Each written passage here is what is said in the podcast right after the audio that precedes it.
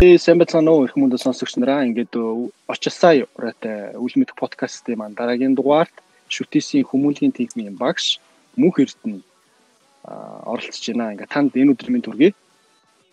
За энэ өдрийн мэнд хүргье. Хөрсөн төхөрлөө. За та сонсогч нарт маань бас өөрийгөө танилцуулаач. Тий. За намайг Мөнх Эрдэнэ гэдэг одоо 2011 оноос хойш би шинжлэх ухааны технологи сургуулийн хүмүүнлэгийн техникт техникийн нэр хийдэд өөрчлөгдсөн. Гэхдээ одоогор бол хүмүүнлэгийн техник гэж байгаа. Тэнд багшилж байна. За оюутны нөгөө хичээл сонголтоор энэ семестрт ямар хичээл гарах вэ гэдгээс шалтгаалж ямар хичээл заах маань тодордог. Тэгээ ер нь 6 7 хичээл би ер нь тэр цагаас хойш заасан. А голдуу бол Монголын төвх заасан. За тэгээд антрополог, соёл судлал, нийгмийн ухааны онол гэдгээр янз бүрийн хичээл заадаг та. За, ерөнхийдөө нөгөө нэг яриагаа эхлэхээс өмнө зочноо бас товч нэмэлт нөгөө мэдээллүүдийг өгсөн дээр авах гэж бодож байна. За, бүгдээрээ хэрвээ та бүхэн манай сонсогч нар хэрвээ үзсэн бол Rock and Rollers гэдэг YouTube channel-ыг бас мөхөд нах маань хэлээ явуулдаг. Тий. Миний хувьд бол одоо нөгөө нэг яг тэр хугацааг нь анх үзэл ер нь бол энэ Австралийн аварц гэдэг зүйлийг бол бас нэлээд сайн мэдж авч ирсэн. Тэгээд ийм одоо яг нэг мэдлэгийг түгээгч залуу хүн байгаа. Тэгээд сая бас Америк Монгол судлалын төвийн нөгөө зуны сургууль тэрийг ерөөхдөө бас зохион байгуулалт оролцож ирсэн тий. Тий. За өнгөрсөн жилийн гэвч одоо ковидгээ зогссон. За тэгэхээр э, таны ер нь мэрэгжил юу вэ? Тэг яг миний одоо үндсэн мэрэгжил бол их төвчөр бол антрополог гэж хэлдэг. Нийгмийн антрополог гэх юм бол арай хүмүүст ойлгомжтой болох юм мэрэгжил байгаа. За антрополог гэхэлэр хүмүүс бол одоо хүн судлал гэсэн үг гэдгийг бол харьцангуй ойлгож байгаа. А тэгээ ойлгохдоо биологийн хүн судлал гэдэг юм уу тэр утгаас нэг ойлголт. Өөрөөр хэлбэл хүн чинь ийм биологи амьтан шүү дээ тий. Одоо энэ хүний янз бүрийн ген, генетик одоо тэгэл усны өнгөдний өнгөдрийг бол судалдаг тийм ухаан байна. Нэг бол хүмүүс их байна. Нөгөө ерөнхий биологоос бол арай өөр тий. За энэ ухаанаар нь мэдээд байдаг. Гэтэл эн чинь дахиад дотроо бол одоо нийгмийн антрополог гэдэг маш том салбар байдаг хүн гэдэг гол судлах тухайн найгаан л нэг нь магадгүй одоо биологийн үүднээс нь судалж байгаа бол нөгөөх нь нийгмийн үүднээс судалж байгаа. За хүн биологийн үүднээс адилхан маш олон шин чанар байна. Гэтэл ялгаатай зөрүүтэй шин чанарууд ч гэсэн байна. Гэтэл яг нөгөө нийгмийн үүднээс ч гэсэн бас гадна ялгаатай шин чанар нь бол тэрнээс нэг байдаг л да. Тэгэхээр энэ талаас нь одоо судалдаг, энэ талаас нь янз бүрийн судалгаа хийдэг. Одоо их товчор гэдэг юм уу хүмүүст ойлгомжтой байдал үүднээс нь тайлбарлах гэж үзэх юм бол одоо нийгэм судлал гэх юм уу те тэгж хэлж болохоор мэрэгжил социологтой их төстэй улс төр социолог одоо энэ бусад нийгмийн ухаануудтай их төстэй ийм ухаан юм байна. Тэгээ энэгээр бол одоо би мөст төгсөөд аа сүүлд сая энэ жил тэр хөгжил судлал гэдэг ухаанаар бас Австралийн Мельбурн их сургуульд мастер хамгаалсан. За хөгжил судлал бол илүү бие даасуухан гэхээс илүү одоо тийм салбар тунд ингэж хэлж байгаа. Англиар interdisciplinary гэж. Энэ ухааныг одоо хөгжил гэдэг ухааныг үүсгэж гэсэн одоо миний суур мэрэгжил болох энэ антрополог маш их оролцсон байдаг байхгүй. Бүр их голлох нөлөөтэй оролцсон байдаг. Тийм учраас би хэрэгээр мэрэгжлийг сонгосон. Тэгээ ингээд нэр нь өөр боловч үнэндээ би одоо ингээд антропологоор л яваа гэсэн үг байхгүй. Антропологч гэсэн хөгжлийг судалдаг ийм салбар байна. Тэгээд ингээд миний мэрэгжил юм аа тэгээд одоо магадгүй би ингээд судалгаа хийж нэг сургууль багшилж байна. Их сургуульч зөвхөн багшлахгүй судалгаа хийх ёстой шүү дээ. Миний судалгааны одоо гол үндсэн чиглэл болохоор юу болж таарч байгаа гэхээр энэ нэг нь хөгжил гэдэг зүйлийн тухай болж байгаа байхгүй юу? Аа тэгээд ийм мэрэгчлээ одоо жаахан Монголд бол ховорхон ер нь дэлхийд дахинд бас жаахан тийм түгээмэл биш мэрэгчлэл дээ. Гэхдээ илүү одоо нөгөө судлаач гэдэг үднээс нь явбал их түгээмэл болчихно. Одоо нөгөө нэг нэг ийм юу яриа яваад шүү дээ. За яриач гэж ер нь бол бас улс орнуудыг ингээд ангилаад байдаг юм шиг тий. одоо өндөр хөгжөлтэй орон одоо дороо буураа орон хөгжих гэж яв хөгжиж яваа орн ч гэдэг юм тий нэг ийм юм яригадаад идэг штэ тэгэнгүүт манайх одоо жишээлбэл өндөр хөгжөлтэй орон гэдэг ингээд хэлсэн чинь тэр өстө буруутсан ч гэдэг юм уу нэг ийм хэсэг яриа явсан тий тэгэхээр энэ энийг одоо ингээд та задлаад тайлбарлавал яг алийн өндөр хөгжөлтэй орон алийг нь дороо буураа тий. Хөгжил рүү ер нь явж байгаа оромч гэдэг юм уу? Хөгжиж буй гэдэг тийм статуст ер нь байлгад юм бэ. Ер нь бол одоо юу гэдэг юм судалгаа шинжилгээ шинжлэх ухааныхаа үүднээс бол аа судлаач хүм хүн болвол ийм янз бүр яриаг бол мэдээж сонсож анхаарч энэ яага ингэж байна гэдгийг ойлгох хэрэгтэй. Аа гэхдээ гол хийх ажил маань болвол судалгааны зохиол бүтээл дээр одоо тийм гарч байгаа судалгаанууд байгаа шүү дээ. Тэн дээр юу гэж үзэж яаж юм тэр одоо ерөнхийдөө ингэж аливаа асуудлыг юу гэж тодорхойлдог болсон байна гэдгээр чиг авч явдаг л да. А гэтэл нөгөө нийгэм нийт олонх маань бол тэр бүр судалгаа уншихгүй шүү дээ. За ялангуяа Монголд бол уншихгүй хоёр үндсэн шалтгаан байгаа. Нэгт бол нөгөө хэлний бэрхшээл. А энэ шинжлэх ухаан гэдэг чинь бол ер нь ингээд англи хэлний өөрөгцсөн юм салбар шүү дээ тий одоо шинэ зөвхөн интернет байгаа мэдээллийн одоо хэдэн хувь үгүй магадгүй 80 70% нь бол англиар байдаг бах. А гэтэл шинжлэх ухаан чинь бас яг тийм байхгүй юу? Маш их англиар байдаг.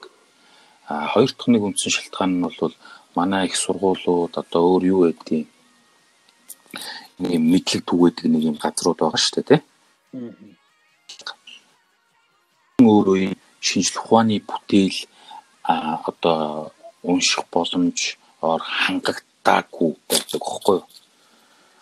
Одоо жишээ нь ингээд барууны гэдэг ч юм уу эсвэл заавал барууны явах албагүй шүү дээ. Нэг маягтайхан судалгаа шинжилгээнд анхаардаг аль ч сургуулийн судалгааны байгууллагын интернетэд нь холбогдсон байлаа гэд бид нар ингээд Google дээр дурын мэдээлэл гаргаад ирдэг шиг тэдний тусгай нөгөө мэдээллийн бааз руу ороод одоо номын сан гэх электрон номын санал гэсэн үг шүү дээ тий. Ороод дураараа бид нар ингээд судалгаа шинжилгээний бүтээлүүдийг гаргаж ирээл Google дээр бид нар нэг хийгээл ингээл дураараа хайдаг шүү дээ. Яг тэр шиг ажилтдаг юм тусгай одоо search engine тий а байдаг хөөхгүй. А гэтэл Монголын сургуулиуд чи тэгж чадахгүй шүү дээ байхгүй тэгэл Монгол дээр л бид нар чинь тэгэл найс төтөөсөн гуугаал энэ өгүүлэлт татаад өгөөч энэ өгүүлэлт татаад өгөөч гэл ингээл мэйл хүчээ сууж идэг хөөхгүй. А тэрэндээ мөнгө төлж манайхаа авдаг. Ингэнгүүт бид нар хаанаас мэдээлэл авдаг вэ гэдгээ ойлгох хэрэгтэй. Тэгээ мэдээлэл дээрээс нь бидний мэдлэгийн их сурвалж юу вэ гэдгээ бодох хэрэгтэй байхгүй юу? Ингэнгүүт бидний хамгийн найдвартай мэдлэгийн их сурвалжийн нэгэнд бол одоо энэ олон улсын байгууллагуудын гаргадаг тайлан энэ төсөл ийм элбэг юмуд орж орж эхэлж байгаа. Тэгээд одоо нүүбэс тэглээ, дэлхийн банкнаас тэглээ. Одоо юу гэх чинь тий ингэж ярьдаг. Гэтэл эдний чинь бол яг цэвэр гэдэг юм уу академик судалгаанд бол тэр бүр анх дагч их сурвалж одоо эрдэм шинжилгээний бүтээл судалгаа гэж үздэг байхгүй юу. Эдрийг бол ингээд зүгээр тоон дата авахд бол ашигладаг болохоос тэдний дүгнэлт тэднэр чинь тэдний субъектив нөлөө орсон дүгнэлт байхгүй юу. Эрдэм шинжилгээний ажил тийм байж болох. А гэтэл нөгөө яг чиний асууж байгаа одоо би жоох урт туршил ажиллаа уучлаарай. Чиний асууж байгаа тэр хөгжсөн хөгжөөгүй гэж байгаа энэ яриа болвол тэр байгууллагуудын гаргаж ирсэн яриа аахгүй. Өөрөөр хэлэх юм бол хувь судлаач чи нэг аль нэг академик эрдэм шинжилгээний тэнхимд харьяалагддаг. Одоо жишээ нь юу гэдэг Оксфорд их сургуулийн хөгжил судлалын тэнхимд гэж бай гэж бодъё л тий. Би байдаг үг нь мэдэхгүй шүүчлээ. Тэрний профессор хүн оюутнуудаа орж ирснээ. За англи бол одоо ингээд хөгжсөн улсаа. За Монгол бол одоо хөгжиж яваа улсаа гэтэр гэж ярих юм бол маш субъектив а бүр ингээд жишээг нь хүндрүүлээд цаашаа ярих юм бол бүр ялгуурлан гадуурхалтыг ярьж байгаа ийм юм болох байхгүй юу а а нөгөө улсуудын хувьд бол тодорхой яг тэгэхээр хөгжил гэдэг энэ ойлголт өнөөгийн бидний энэ ойлгодог ойлголт чинь дэлхийн 2 дугаар дайны дараа ялангуяа Америкчууд Европт тусалж байгаа тэр маршлын төлөлгөө гэж байна. Европыг сэргээн босгоход одоо 2 дугаар дайнаас нь хоёр сэргээн босгоход тий зориулж гаргасан тэр тусламжаас үүдэлтэй байхгүй? Бидний одоо энэ ойлгодог. Тэгээд Америк бол ямар зорилгоор тэрийг гаргасан эдэр гэдэг нь бол мэдээж тодорхой. А өөртөө нэг холбоотон бий болгоно. өөрөөр хэлэх юм бол одоо хөгжил гэдэг бол гадны нэг тусламж орж ирээд тэгээд тэр улс хөгждөг гэж ойлгож дээ хүмүүс. Аа Монгол ч гэсэн тийм дээ. Жишээ нь одоо 90 оноос хойш хувирсан хэрэглэгдсэн гэдэг юм уу бүтээгдсэн бүх юмд гадны айл нэг байгууллагын зөвлөгөө орсон дээ. Манайд бол тэр тийм үндсэн хөлөнд ч орсон. Бүх хөлөнд гадны айл нэг байгууллагын зөвлөгөө орсон. Та нар энийг ингэж өөрчил. Яагаад ингэж өөрчлөх ёстой? Хөө танах ч хөгжиж яваа ус шүү дээ. Манайх ч хөгжиж суус дэлхийн олон нийтийн жишг ийм байдаг. Махи. А тэгвэл та нарт одоо энийг чи ингэ сайжруулах бид нэр 20 сая долларын тусламж үзүүлье. Агүй юу? Агүй болвол уучлаарай бид нар дүүлийн сонирхол энд санхүүжүүлэх бодол алгаа гэж хэлчихин. За энэ бол ингээд судалгаагаар элдв юмар ингээд тодорхой болсон ийм зүйл учраас а олон улсын байгууллагууд элдв юмнууд бол энийг харьцангуй яриад чадаад ах боломжтой. За гэвч сүүлийн үед олон улсын байгууллагууд ч гэсэн энэ нэр томьёоноос татгалзаж эхэлсэн. Бид нар ингэж нэрээ улс орныг янз бүрээр ингэж хуваадаг, хөгжсөн хөгжөөгүй ийм тийм гэж хэлдэг. Эн чи ер нь тэгвэл ёс зүйн үднээсээ болох юм уу? Хүнд ёс суртахуун гэж байх хэвээр биднэрт ямар эрх мэдэл authority байгаа болоод би нэг улсыг хөгжсөн гэд нөгөөг нь хөгжөөгүй гэж хэлээд байгаа юм бэ. Ингиж болохгүй. А харин энийгэн зүгээр л англил гэдэг үүднээс нь харж хэмжижээ гэж. Тэгэхээр одоо чи өөрийнхөө асуусан асуултыг бодоход тэр а дээрэс нь хүмүүсийн ярьж байгаа яриагч гэсэн анзаархад энийг зүгээр англил гэж хэрэглээд байгаа мó эсвэл дээр доор гэж хэрэглээд байгаа мó гэдгийг анхаарах хэрэгтэй. Англил гэдгээр нь би юу хэлэх гээд магадгүй оновчтой үг биш байж магадгүй. Англил гэдгээр нь юу хэлэх гээд байгаа юм гэхээр тэртээ тэргүй улс орон нийгэм ялгаатайг чи нэг юм системд оруулж ойлгох гээд байгаа байхгүй юу? Ойлгоход амар болох гэж. Одоо жишээ нь хүрд тооны хүрд байгаа шүү дээ. 2 2-ын тэд 3 3 тий. Яах гэж бид нар тэрийг гаргаад байгаа гэдэг чинь нөгөө талдаа биднэрт тийм цэгцтэй байх хэрэгтэй байхгүй юу? Жишээ нь ингээл ямар нэг юм үзлээ бид нар ингээл цэгцтэй системтэй үздэг шүү дээ. Яг тэр шиг энэ улс орны хөгжлийн тухай ярихын тулд жаахан цэгцтэй байя гэсэн үүднээс ярина. Цэгцтэй байна. Англил гэдэг чинь ямар нэгэн дээр доор ялгаа байхгүй гэсэн үг. Бүгдийг эргэтгэж нэг юм төвшөнд авчирч ярина гэсэн үг байхгүй юу? А гэтэл ихэнх хүмүүсийн яриад байгаа гэдэг юм ойлгоод байгаа энэ ерөөсөө одоо юу гэдэг монголчуудын зөвхөн буруу шүүрсө дэлхийд яриад тийм байгаа тий. Одоо ингээд одоо мейнстрим гэдэг тийм ингээд олон хот ноёрхцын санаа бол хөгжсөн гэхлээр дээр нь байдаг, хөгжөөгүй гэхлээр доор нь байдаг.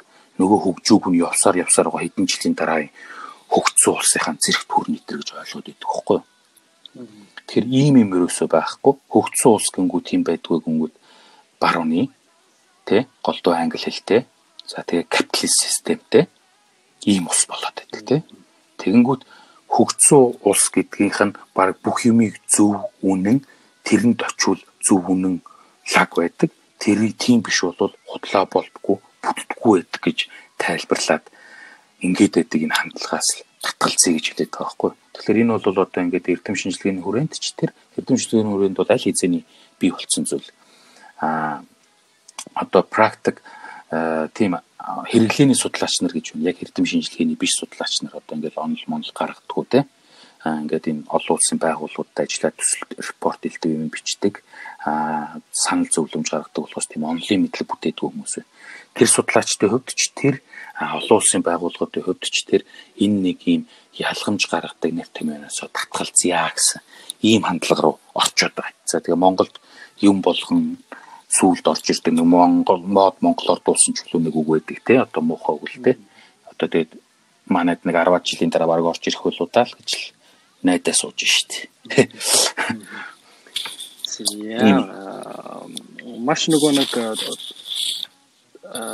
гоё ойлгомжтойгоор тайлбарлсан баярлалаа. Тэгээ энэ нөгөө нэг ойлгох ингээл за ойлгосон бол. Жишээлбэл яг ингээ нөгөө альч төвшөнд тэр ингээд э, бизнесийн байгууллагад ажиллаж хахад ч тэр ингээд яг ингээд яригдчихийдэг.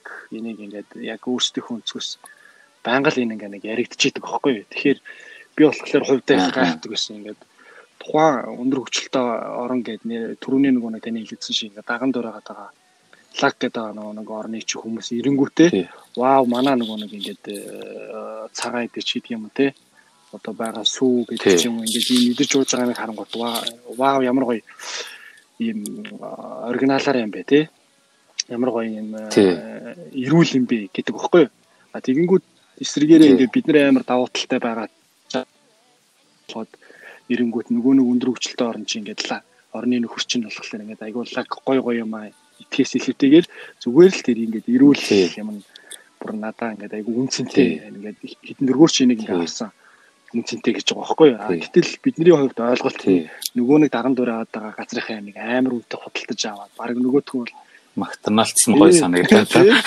Гэтэл нөгөө эсрэгээрээ эсрэгээрээ нөгөө нөхдөд чинь ингээ манад ирээд байна гэхэлэр би ингээд бүр ялгааг нь ингээ ерөөсөө олцдохгүй гайхацсан байхгүй.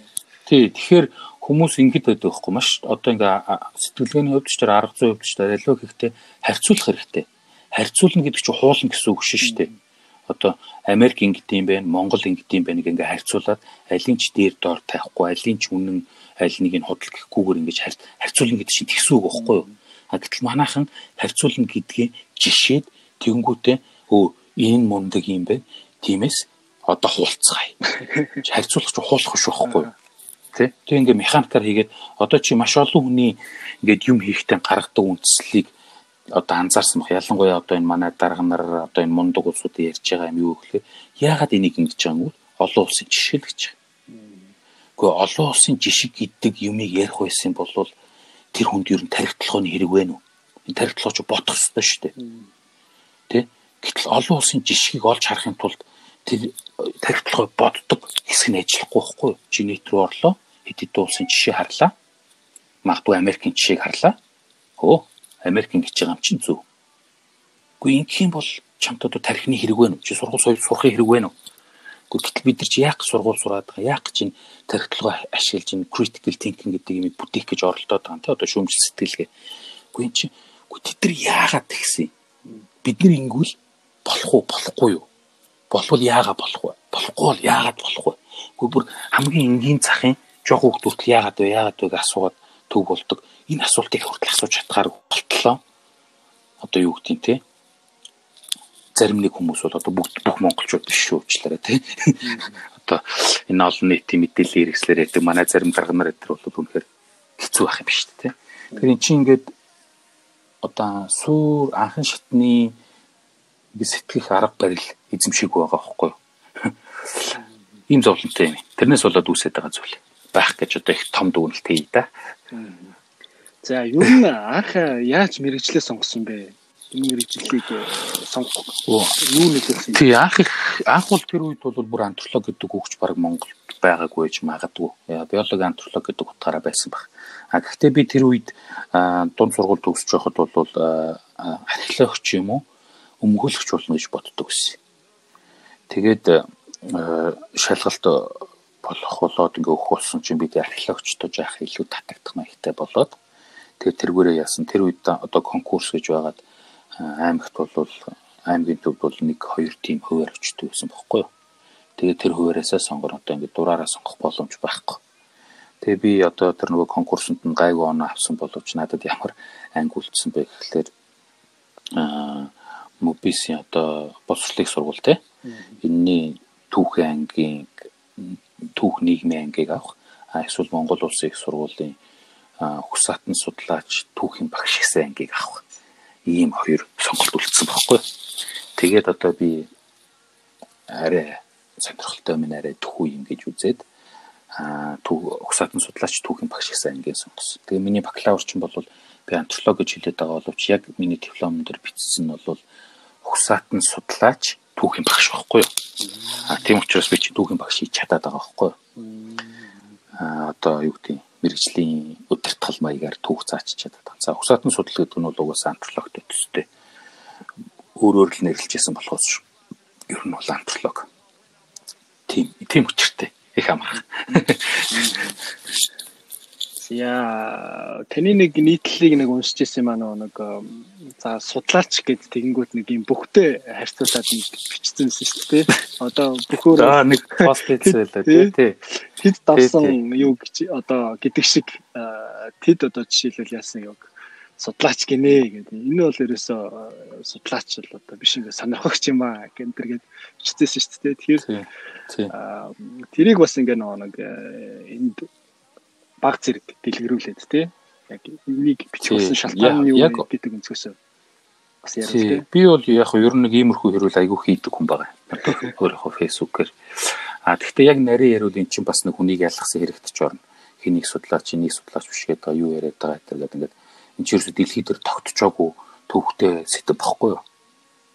Ер нь бол нийгмийн ухааны хүмүүс бол гадралж байгаа ингээд нэг сэдвт шууд тэ хоёр дээр нэмэх нь хоёр дөрөв гэдэг шиг хариу өгөх аягүй хэцүү байдаг. Боломжгүй яг л ямар ч аргумент гаргаж эсрэг дайрчих боломжтой. За тэгтээ яг миний тэр хэлж байгаа санаа бол одоо би бол нөгөө эрдэм шинжилгээний буюу одоо цэвэр гэж хэлээд яг үү те яг тийм академик судлаач хүний тухай ярьж байгаа байхгүй академик судлаач буюу яг одоо яг эрдэм шинжилгээний судлаач юу их ёстой вэ гэхээр судалгаа хийгээд тэр миний үглээд байгаа тэр сэтгүүлүүд хэвлүүлэх ёстой. Үр дүнгээ. Эсвэл ном гаргаж байгаа бол тэр одоо дэлхийн том хэвлэлийн газруудаар хэвлүүлэх ёстой. Тэрнээс одоо энэ эдмон медмоноор хэвлүүлээд байж болохгүй байхгүй юу? Эдмонд ч ямар ч эрдэм шинжилгээний редактор гэдэг юм уу, тим юм хийдэг. Одоо яг тийм маягийн туршлага байхгүй шүү дээ. Ирээдүйд тийм болох бах тийм. А гэтэл манай сэтгүүлүүд ямар вэ? Одоо манай зөндөө сэтгүүлүүд хэлж байгаа эрдэм шинжилгээний сэтгүүл шүү. Тэр сэтгүүлүүд маань хямралттай байх хэрэгтэй байхгүй юу? За мөн биш. Мөнхөрдөө хоёр нэг юм биччихий нийлээд хоёлаа юу гэдэг ч үгүй. Энэ чи өдрийн бодлогохгүй яг үнэндээ мянга судалсан байлаа ч гэсэн. Эн чи яг үнэхээр эрдэм шинжилгээний ажил мөн үү? Тэр онолтой юу? Тэр ухаандаа хөв нэмэр оруулж байгаа юу гэдгийг чинь хянан магталдаг сэтгүүлийн хянагч нар байдаг хөөхгүй. Тим юмар ороод зөвшөөрөгдөөд хэвлэгдэх ёстой. Жишээ нь би одоо хамгийн сүүлд сүүлд юу ахад те энэгээр би жишээлж ярив би одоо өөрийгөө мундаг гэж хэлж байгаа юм шиг шүү зэ. Current anthropology гэдэг буюу одоо өнөөгийн антрополог гэх юм уу миний одоо мэрэгчтэй дэлхийн топ 5 сэтгүүлийн нэгэнд би өгүүл хэвлүүлвэ. За өгүүл хэвлүүлээд одоо би чамд хэвлүүлэх процессоо ярихлаар энэ нэг энэ эрдэм шинжилгээний юм гэдэг чи юу болдог тухай ойлголт хүмүүс төрчих байх гэж найдаад байна. За эхлээд өглөө. Өг өгөнгүүт надад буцаад одоо энэ энийг засмаар байна гэж хэлж байгаа. Юу гэсэн үг вэ гэхээр за чиний өгүүлэлт ажгүй байна хэвлэе гэсэн санаа байхгүй юу? Аа миний өгүүл болоогүй бол манайх хэвлж чадахгүй гэсэн хариу ирнэ. Аа надад болохоор за ийм ийм засвар байна энэ засвар ингээ хийхээ явуулах юм бол бид нэр одоо таны өгүүлэлийг хэвлж болох нэ гэсэн санал ирж байгаа. За тэрийг би ингээ явуулангууд надад за ингээ таны өгүүлэл болж байна. За одоо та дахиад 15 тийм комент өгж байгаа хүмүүс гэж байгаа юм л одоо миний өгүүлэлт санал хэлж байгаа хүмүүсийн саналд хариулъя шүү гэж. За 15 үнийх нь зарим бичлэгүүгээр азуулж 11 2 нь ч илүү ирвэ. За нөгөө төлөлд нь хариулж байгаа юм би дахиад өгүүлэл шиг урт юм бичиж байгаа. Өгүүлэл нь бол 12 мянган үгтэй штэ. Гэтэл би тэрэн шиг дахиад урт юм бичиж явуулж байгаа байхгүй юу? За тэрний дараа за таны өгүүлэл хэвлэгдэх боллоо. Нөгөө 10 хэдэн хүн чинь одоо миний бичиж байгаа салбарын энэ л хүмүүс байгаа байхгүй. Тэгэл эн чинь болохгүй, антар чинь ч болохгүй, энэ чи юу гэсэн үг гэдэг гэл ингээл ийм л юм орж ирнэ гэсэн үг. Тэ энийг нь тайлбарлаач сайн ойлгохдохгүй. Энтэй чи би санал нийлж чинь гэвч энтэй чинь санал нийлэхгүй байна гэдэг гал ингээл. Тэг чи ингээ маргаан болж штэ. За хариулаа явуулсны дараа нөгөө сэтгүүл за таны өгүүл боллоо одоо ингээ хэвлэгдэхэр боллоо гэж. Хэвлэгдэхэр боллоо гэдэг хариуг автал би 2 жил хүлээж байгаа. За тэгээд хэвлэгдэх гэж ахаад э, хитэн сар болоод ингээ нийтдээ би 2 жил гарангийн дараа нэг өгүүлэл гаргаж байгаа байхгүй. 2 жил бараг 6 7 сарын дараа. За энэ бол одоо том сэтгүүл учраас ийм их удаан процесстэй үйл явц өрнөсөн байж болно. За би арай зэрэглэл одоо хэмжээ доогуур нэг сэтгүүл бас нэг өгүүл хэвлүүлсэн. Тэр бол харьцангуй хурдан нэг ер нь бол өгүүлэн бичиж өгөөд тэгээ зөвшөөрлөгдлөө инээ тэр ингээд дахиад нэг хоёр хянагчийн хариу өрөө тэрэнд нь би хариулж бичиж бариад ингээд ингээд ингээд ингэсний дараа бол нэг жил 6 7 сарын дараа хэвлэгдсэн. Энэ бол зүгээр л миний сүүл ярьдаг сэтгүүл бол энгийн сэтгүүл одоо юу гэдэг нэг тийм амар мундаг лаг дэлхийд танигдсан тийм сэтгүүл биш. Эхнийх нь бол одоо дэлхийд танигдсан сэтгүүл учраас юм зовлонтой байдаг гэж магадгүй гэж бодоход тэгвэл тэр хоёр дахь яах вэ гэсэн сэтгүүлтэй дүүцхүүц ингэж ажилдаг, ингэж хяндаг, хүний юм шүүсийн шахдаг те болохгүй бүтггүйг ингэж болвол сайжруул. Энд чинь ингээд зөвхөн хянаад намайг хэвлэхгүйгээд байгаа ш. Миний дутуу харсан чадаагүй, үзээгүй, миний элдв субъектив шинжлэх ухааны биш бодлуудыг хүртэл ингээд шүүгээд нэгтлээд шинжлэх ухааны ажил болгож хөргөж байгаа байхгүй юу? Ийм сайн талтай тийм хянагч нарын хийж байгаа ажил. Ийм сэтгүүл Монголд байгаа юу? Гэхэд байхгүй байхгүй юу? Тэгээ би ингээ байхгүй гэлж сэтгүүл гаргадаг маш олон намайг одоо хараад цагнах байх л та чи одоо манай сэтгүүлийг дөрвчлөө гэж ч юм уу. Зарим нь өөр төр тусч уучлаарай байхгүй.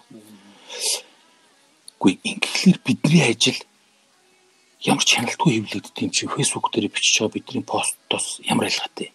Нэг нь фэйсбુક дээр бичиж байгаа, нэг нь яаж байгаа тий одоо ингээ хэвлүүлээ гаргачихлаар илүү үнэн болж байгаа юм уу? Юугаар нь үнэлэх юм? Гэж боломжгүй байгаа үстэй. Би фэйсбુક дээр тэр навш үхвэгээ бичиж биччихлээ. Магадгүй би тэгвэл одоо өгүүлэл дээр арайч одоо тэр өгнөх шүүхэ гэж бичээд хэвлэхгүй л ахaltaа уучлаарай те. Гэхдээ бараг нэг тиймэрхүү нэг хувийн субъектив одоо чинь Монгол хүн хамгийн агуу үндэст ингээд бичээд хэвлүүлсэн өгөл зөндөө шүү дээ.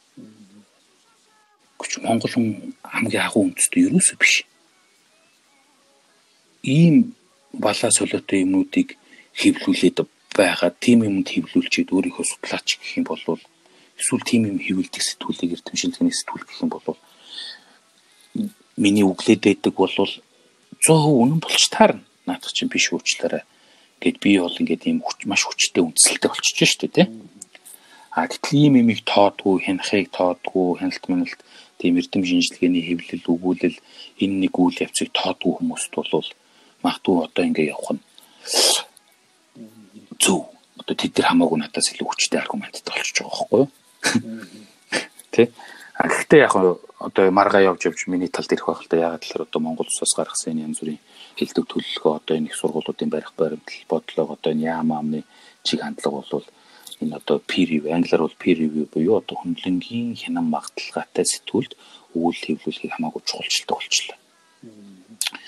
Тэгээд одоо Монгол улсын лүгөө явах байх л та тий. Тэгээд яг 13 оноос хойш ер нь Монгол улс бол энтэй ингэж зуралдж байгаа. За гэвч одоо ихэнх боловсон хүчин нь бол мэдлэг боловсрол хэл усны хувьд бол одоо хангалттай шаардлага хангаж чадахгүй байгаа учраас бид нэр ингээд явахгүй байна. Эн чи явж явж манай их сургуулиуд ягаад тэр нэг их сургуулиудын ранкинг гэж нэг юм байгаа те. Зэрэглэл гэж байгаа. Тэрэнд орж чадахгүй байгаа те хүртэл холбоотой шүү дээ. Одоо жишээ нэг ранкингаар нь бол дэлхийд бол ерөнхийдөө нэг 3-ыг л барьж байна л та те ингээд аль аль нь өөр өөр шалгууртай. Жишээ нэг ранк нь э, шалгуур бол яах ёстой гэдэг вэ? Scopus гэдэг нэг юм миний ярьсан тэр эрдэм шинжилгээний сэтгүүлүүдийн нэг том бааз байна хэдэн мянган сэтгүүлтэй. Тэр баазад бүртгэлтэй сэтгүүлд тий сүүлийн 5 жил одоо мянган өгүүл хэвлүүлсэн байх ёстой гэдэг байхгүй юу? Тэгвэл жишээ нь Монгол улсын их сургуулийн бүх салбар нийлэл мянган өгүүл буюу одоо жилдээ хамгийн багадаа л 150 өгүүл тэр сэтгүүлүүдэд хэвлүүлээд авах ёстой байхгүй юу? Тэгэд Монгол улсын аль ч эрдэм шинжилгээний байгууллага тэгж чадахгүй шүү дээ. Мөөсөл нэг арих 100 гарч 150 руу ч очиж чадахгүй шүү дээ За шинжлэх ухааны ахтай маа. За шүтээс бүтээсэн ангаах манах сургаггүй шүү дээ, 50 60 таа сууж шүү дээ. Гэхдээ тэгэхэр чин бид нар мэдлэг бүтээж байгаа юм уу? Бидний ноу хау гаргаж байгаа юм уу? Нөгөө дэлхий дээр хосгүй монголчууд минь юу хийж байгаа вэ гэдэг нь ингээл харагдчихж байгаа байхгүй юу? Тий, бид нар бол зүгээр орбин сүнхөрөөс шиг арал дээр орилоо сууж байгаа тий. Бидний хийж байгаа хэн ч харахгүй байгаа, дэлхий хийж байгааг бид нар олж харахгүй байгаа. Дахтуугаар хэлэх юм бол. Тэгэхээр чи одоо миний шүүмж бол харин ч их зөөлхөн шүүмж. Аа энэс ч илүү хатуу шүүмжилж болно. Одоо бол зөв зөв. Миний уншсан одоо яг өнцгөөс бол одоо бол яг зөв санагдсан. Аа ягаад гэвэл нөгөө миний хувьд чинь яг нөгөө төслийн чиглэлтэй ажилтдаг нөгөө судалгаа мэдээлэл юмнуудыг их түүдэг. Судалгаа шинжилгээтэй юмыг нөгөө хийхгүй бол эн чинь нөгөө нэг ямар ч үр ашиггүй шүү дээ. Тэгэхээр тэр үнцгээс нөгөө яг нарийн бодтой тоон үнэхээр одоо үнэн үү худлаа гэдгийг байнга шалгаж идэг байхгүй.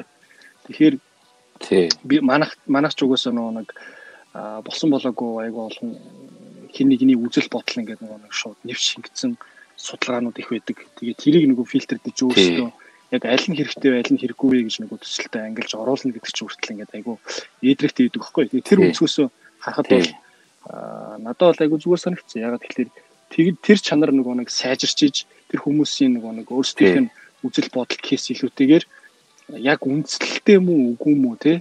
Яг аль нөгөө нэг гаргалаас гаргалгаагаа яг гаргаж байгаа энэ үнэхээр яг бодит амьдрал дээр хэр нийцэх юм бэ нийцэж байгаа юм бэ эсвэл те гэдэг өнцгөөс энийг ингээд хийж эхлэх юм бол одоо төслүүд бас нэгтлээ ингээ нэг судалгаа дутуу хийгдсэн одоо судалгааны жишээлбэл юм худал байснаас болоод айгүй фейлдэж штэ ясн дээр бол. Өө яг ингээ харахад цаасны ажил.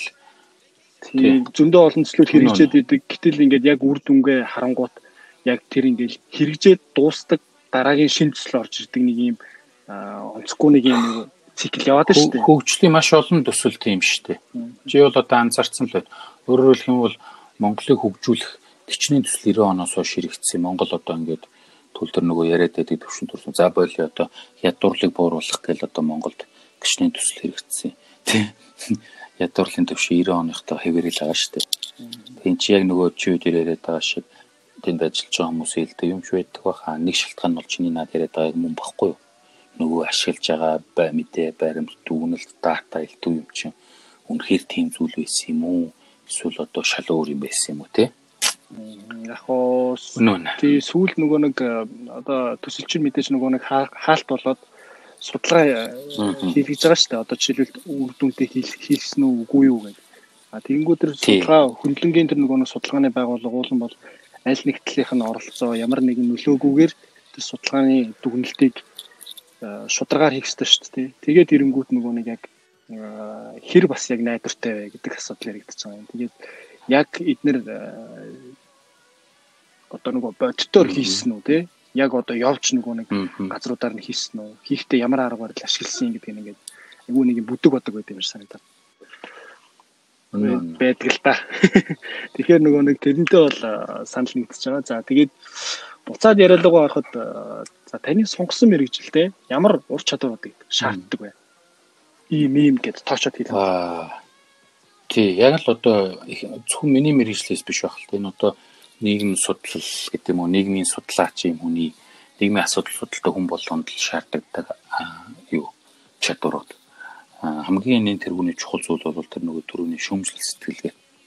А манайх энэ шүүмжлэх муул хоёрыг бол нэг жоохон олж ойлгоод байдаг муулах бол тэгэл бид нар бүгд өдөр тутамдаа байдаг тэр нөгөө нэг сор тоглон бүдүүн тарганыг ярьж байгаа зүйл шүү дээ тий. А шүүмж гэдэг чинь бол үндэстэй байхыг хэлж байгаа байхгүй үндслэлтэй. Тэг тийм субъектив биш байхыг хэлж байгаа. Тэгэхээр бидэрт бол зөвхөн одоо би өөрийгөө ярихгүй тий. Одоо энэ нийгмийг судалж байгаа хүмүүст бол ийм зүйл хэрэгтэй. Энэ бол одоо нэн тэргүүний шаардлага. Чи нийгэм уншаад өө тийм байна гэж итгэхгүй ш. Яагаад ингэсэн байна? Яагаад ийм байна? Яагаад яагаад? Өчнөө олон яагаад? За тэгээд ингэсэн бол ингэх байж, тэгсэн бол тэгэх байж гэсэн юм дүгнэлтүүдийг хийдэг юм чадвартай байх хэрэгтэй. Тэгж чадахгүй бол чиний ажил ерөөсөө судалгааны ажил болж чадахгүй тийм. За хоёрт бол э, онцолж хэлэх ёстой зүйл бол а одоо ингээд хийгдэж байгаа дэлхийд даяар энэ ухаанд чинь энэ юм чиний байгаа судалгаанд чи хийгдэж байгаа сүүлийн үеийн судалгаануудтай ордон танилцдаг байх хэрэгтэй. Өөрөөр хэлэх юм бол эндийг хоёр хувааж бол энэ чадварыг Нэг нь бол чи ингээд чөлөөтэй мэдээлэл авдаг хэл эзэмсэн байх хэрэгтэй. А монгол хэлээр бол одоо тех боломж харьцангуй бага штэ. Хэцүү штэ. Тэгэхээр одоо ингээд англи хэлж байд юм уу? За болж байвал цаашаа өөр зөндөө олон их сурвал гэсэн. Тэ за би бол одоо ингээд англи хэл нухад явж байгаа учраас англи хэлээр л дуусах. За энэ бол ихнийх нь хоёр дахь нь болохоор юу вэ гэхээр хурдан уншдаг мэдээллийг айгу хурдан авдаг тийм чадвартай байх хэрэгтэй А тэгэхгүй тэгэл нэг өгүүлэл барайл өдөр үржин болчдөг. За нэг ном барайл 7 онцдог байх юм бол одоо чич мэдээлэл урд авч чадахгүй. Ийм төвхтэй болчих штэ тий. За дараагийн гурав дахь буюу одоо би бол эцсингээ хэлчмээр байна. Одоо биний л онцолж байгаа шүү тий. Өөр олон чадвар бол. Гурав дахь нь бол би илүү ингээд судалсан шинжилсэн юм хүнд ойлголцтой тайлбарлаж ярьж бичдэг байх хэрэгтэй. Илэрхийлэх чадвар нь би хэлж байгаа. Чи магадгүй ингээд ярина. Оюутнууд ч юм уу Тэнгүүл эрдэм шинжилгээний хуралдаар ингээд яриад хамтран зүтгэгч нартай өөрийнхөө судалгааны үр дүн танилцуулна. За түрүүний нөгөө өгүүл бичнэ гэдэг шиг чиний бас нэг гол бүтээл бүтээмж гэдэг юм чи юунаас гарч ирэх вэ чи ингээд тэрийг сайхан хүндээ ойлгомжтой бичдэг байх хэрэгтэй. Тэгэхээр ийм л нэг хэдэн чадрууд бол нэн тэргүнд их хэрэгтэй болдог доо. Аа за давхар нөгөө нэг яг энэ ур чадвар гэдэг юмтай холбоотой гор бас нэг юм асуумаар юм л да. Одоо нөгөө нэг их түгээмэл э, хэрэглэгддэг болоод байгаа. Тэгээд ялангуяа аа залуучууд их хэлдэг болоод байгаа. Networking гэдэг тий.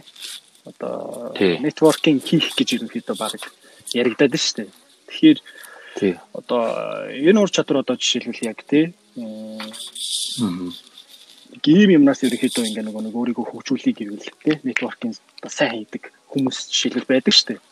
Гэтэл зарим нэг хүмүүс ингээд яг яхаа мэдэхгүй ингээд зогс зогсож байгаад нэг айгүй уулан бол ингээд айгүй гоё ингээд боломжтой нөхцөл байдалд ингээд байгаа ижиж ашиглаж чадахгүйгээр гараа авчдаг шүү дээ. Эсвэл ингээд нөө дуусчихдаг тий. Тэнгүүтээ яг яах вэ юм болоо очоод ингээд сайн байна уу гэх хүс юм болоо эсвэл ингээд даалж жагаад хай гэд ингээд үнэлтэнгүүтээ хийж жагаад очих байсан юм болоо яг яах байсан юм болоо. Эсвэл би нөгөө нөгөө нэг хүмүүсээ судлах хэрэгтэй байсан юм болооч тийм нэг ингээд юм жижиг жижиг юм нэг юм төрөгдлүүд яваад байдаг шүү дээ. Тэгэхээр ер нь яг ямар бэлтгэлтэйгээр нэтворкинг хийх гэж байгаа бол одоо ер нь ямар нэг арга хэмжээнд очих гэж байгаа очиж байгаа то тийм нэтворкинг хийхдээ ямар бэлтгэлтэй байх хэрэгтэй. Би бол одоо яг юу гэдэг практик тэм жижигхэн юм гэхээс илүү илүү ерөнхий юм хариулмаар байна л да. Яг тэгэхээр зүгээр миний ажигласнаар монголчууд бол харьцангуй тэгэл ингээл хүнтэй уулзаад юу юуг ингээл ярьдаг тийм одоо барууны тийм соёлын маягийн хүмүүс биш шүү дээ. Аа энэ энэ бол байдал харьцангуй өөрчлөгдөж байна одоо бол тий одоо ингээд аа шинэ үеийн гэдэг юм одоо надаас доош зүүн дуугийнхан бол шал өөр болж байгаа.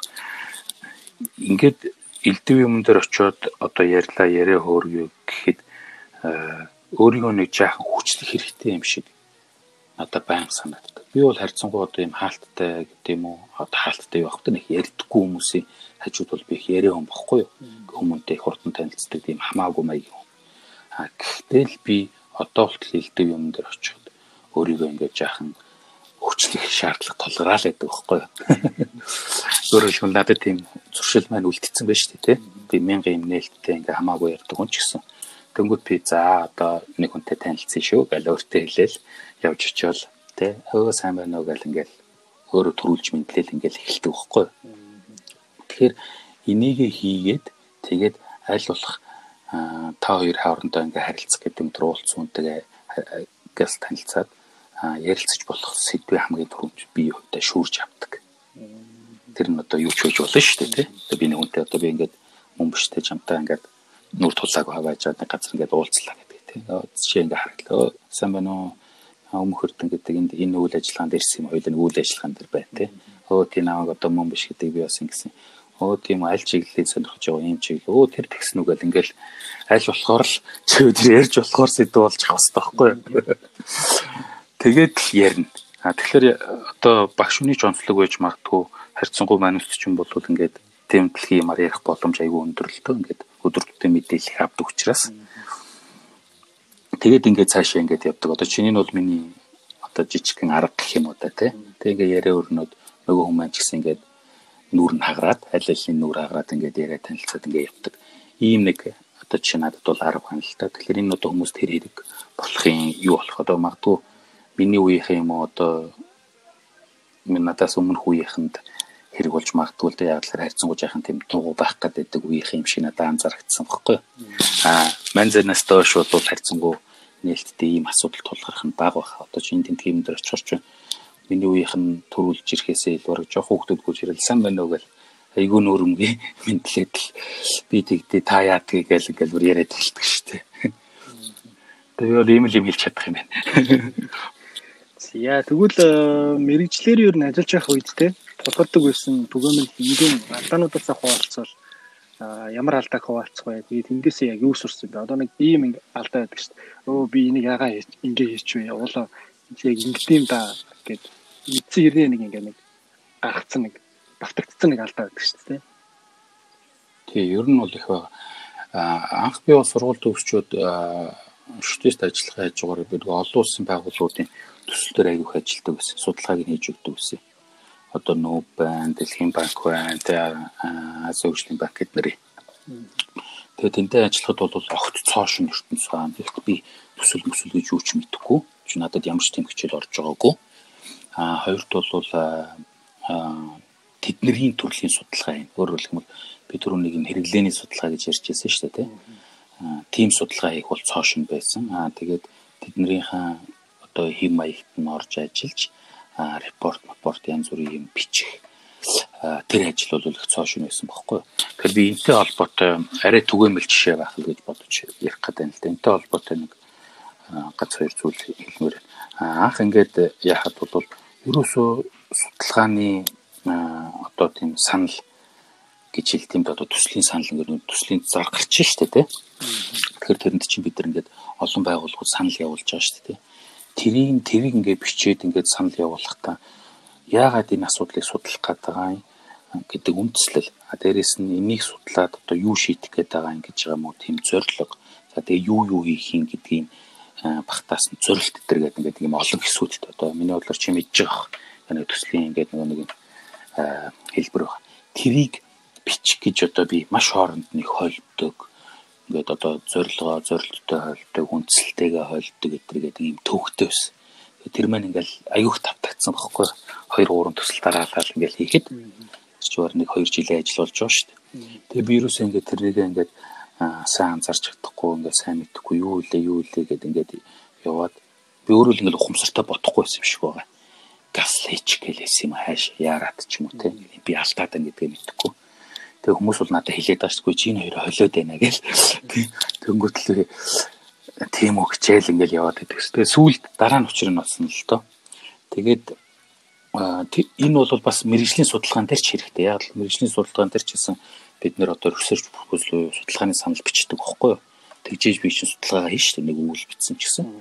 Төсөн мөнгөний тэндээс олох юм чинь. Төсөн өгж байгаа газар чинь яг яага хийх гээд байгаа ямар хүчтэй юунд хэрэгтэй ингээл ингээл асуу шүү дээ. Тэгээд нэг тийм асуудал гараад байсан. Энэ одоо би явандаа өөрөө нэг жоох ухамсарлаж ахиж юм юм уншиж ингээд э, нэг жижигхэн тийм онлайн сургалт мургалтанд сууж ээж учраа олж исэн бохгүй юу. За энэ энэ жишээгээр би юу хэлэх гээд байна гэхэлэр хүмүүс ингээд ерөнхий ажил нь яваад байхлаар ерөнхий ажил чинь бүтээд байхлаар тийм жижиг сажиг алдаануудаараа нэг ач холбогдол өгөхгүй оо за тэгэл болчихлоо шүү дээ би ингээл одоо би чинь тэгж бододсон байхгүй. Гэхдээ би ингээл тайлангаа гаргачихжээ л шүү дээ. Судалгаа амжилттай л болчихлоо шүү дээ энийг надад хэн нэгэн засаал өгч тэ би заавал энэ дээр ингээд цаг алдаад яах юм л гэж би магадгүй дотроо ботсон баг. Одоо би яг юу гэж бодож ирсэн тэрэн дээр ингээд анхаарч ирсэн үнэндээ санахгүй. Тэр хүмүүс маш олон хүмүүс яг одоо юу гэдэг ингэж ерөнхий төв зураг хараад болоод ахт чинь энэ яад ингээд ингээд хаяад байдаг хөөхгүй.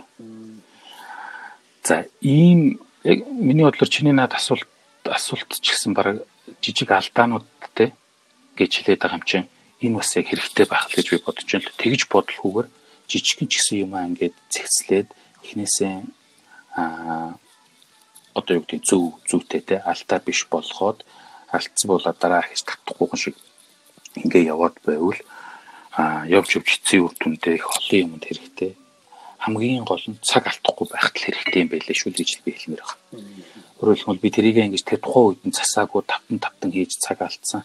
Дараа нь бүр ингэж тусгай нэг онлайн курс авч цаг зарцуулж алтаагаа засч яах гэдэг чинь л би одоо нэг төрлийн менежмент хөө те. Одоо юу гэдэг одоо хамгийн том дэндээс алдсан юм би цаг л алдсан байгаа байхгүй. Ийм алдаатай юм байлээ. Тэгэхээр би одоо энийг л хэлмээр байна да. Яа тэгвэл ажиллаж явах үеийн амжилттай хэрэгжүүлсэн сайн туршлага гэвэл та юу хуваалцах вэ Оо, ер нь бол э, зөндөө юм байна. Тэр дотор бол би одоо яг ажилтай холбоотой яг одоо миний мэрэгчлээ холбоотой биш боловч би зүгээр энэ жишээг ярих дуртай. Яагаад энийг би ярьдаг вэ гэхээр одоо өөрөөгөө энэ жишээг их тоодг нь жижигхэн юм ч гэсэн аймаг том нөлөөтэй байдэн шүү гэдгийг л би сануулах гэдэг сануулах гэж оролдоод байгаа гэж боддتي. Миний жишээг ярих бараг чамд ойлгохдох байх. Тэр юу гэхээр би ингээд оюутан байхдаа диплом ажил гэж бичсэн шүү дээ тий. Тэгээд диплом ажил бичээд э, тэр үед ингээд диплом бичээ явахад мөсийн дипломын ажлууд болохоор ийм одоо манайх нуруутай хавцгаа ярьдаг юм да. Тэргээр хавцалчдаг. Тэгээд ингээ хүмүүс хүүхдүүдийн дипломын ажил аваад уншихлаар тэр нь маш хурдан салаад очиждаг. Ерөөсөө сайн барьдаггүй байхгүй нөгөө хууцнуудаа. За зарим нь тэр тундаас нь салгаж аваа буцаагаад ингээ хийчдэг мичдэг. Тэгээд дипломын ажил мажил дотоо өдр айгүй төвхтэй байдаг ус бохгүй. Тэгээд би энэ удаа ямар ядаргаатай юм бэ ингээд бүтэн диплом байхгүй ингээд дээрээс нь энэ барьдгүй ингээд диплом салбайгаад очиж тэгяасан хэцүү ингээд боддог байжгаад өөрийнхөө диплом ажлыг болохоор ингээд ном шиг гацсан бохгүй. Ард наагаад одоо ингэ сэтгүүл шиг гэх юм уу те. Тэгээ тэр нь яг үнэндээ тэгж нөгөө нэг нуруутай хавц гэдгээр хийлгэж байгаатай яг адилхан үнэтэй болж байсан бохгүй үний хувьд ч тэр. Тэгээд би тэрийг ингээ ангийнхантаа үзүүлээд ийм биш үнэ тэрэ гэсэн манай ангийнхаа гоё болж инэ тэрэ гээд багш нар шсэн магтаад. Тэгээд би магистр хамгаалахдаа ангийнхаа 6 7 хүүхдийг уриалаад. Тэр 6 7 хүүхд нь бүгд магистр ажил бичиж байгаа шүү дээ. Тэгээд тэдний нь болохоор яг сэтгүүл шиг ингээд дээр нь мөсийн лого могог тавиад ингээд Монгол Улсын их сургуулийн тэрмэр гэдэг ингээд арт нь ингээд бас яг ингээд лого могог ингээд харах юм бол ерөөс яг сэтгүүл шиг. Ар нураас нь харсан ч нүүрнээс нь харсан ч тэгээ бүгднгийнх нэр сэдв ингээд байж. Тэгж ингэж нэгдсэн журмаар хэвлүүлээд тэгээд тэнхмийн нөгөө хамгаалалт эднэр тэр одоо ингээд одоо ямар ч хамгаалалтаа ямар ч хамаагүй надад нэг юм санал байна. Тэр нь юу гэхээр ингээд дараа дараагийн ажлуудыг ингэж хэвлдэг болёо. Үнэн адилхан байна. Оюутнуудад ямар ч нэмэлт дарамт учрахгүй ийм ийм давуу талтай гэдгээ ингээд тайлбарлаад үлдээжсэн бохоггүй юу. Тэгсэн тэрнээс хойш тэнхмийнхэн тийм шаардлага тавиад сүулдэ ягаад мөс бүр тийм болоод одоо мөсийн диплом ажил мажил хэлтэй юмыг авч харах юм бол тэгж хэвлдэг болсон байгаа. За миний энэ санаачлаа шууд тэр мөсийн тэрэнд нөлөөлсөн гэж би шууд гөрдөж дайрч байгаа юм биш. Гэхдээ аа магадгүй тийм болоход нь би багч гэсэн хөв нэмэр оруулсан бохгүй юу. Ягаад тэгэхээр миний үед тийм ажил байгаагүй бохгүй юу. Бидний магистра хамгаалаад хэвлэж яхад тэгж хэвлдэггүй байсан бохгүй юу. Тэгэхээр энэ юу вэ гэхээр хүмүүс ингээл амар том юм боддог, амар том юм сэтгэдэг. Одоо ингээл амжилт тий эсвэл алтаа оноо одоо юу гэдгийг мэдэхгүй. Тий мөл амар том том юм л ярих гал ингээл бодоол. Эсвэл ингээл ялангуяа ингээл илдэв барууны сургууль мургуул сургуульд ч юм уу эсвэл ингэ судалгаа модлогонд ийм аппликейшн бүгэлж явахад хүмүүсээс одоо би ингээд хүмүүст сайн дураар зөвлөгөө өгч хүмүүс маш их асуудаг байхгүй энэ дэр ийм юм болдоггүй надад ингээд надаас ийм жишээ гаргаад бичихсэн надад жишээ алга гэдэг. Тэгээ би баян гэлтгүй чамд байгаа. Шинэ би ингэжсэн. Чамд ийм юм байна үгүй. Өө би нэрээ тэгжсэн шүү дээ гэдэг ингээд жишээ олчдөг юу. Тэгээд энэ бол юу вэ гэхэлэр бити тэгж томоор бодож те бүр ингээл чи заавал сансар огторхог өөрчилсөн чи заавал нэг компани санхүүг амжилттай болгосон байхаа албагүй байхгүй юу амжилт гэдэг юм уу үр дүн гэдэг чинь жижигхэн байх. Ингээд цаашаа цаашаа нөлөөлөө явдаг байхгүй юу?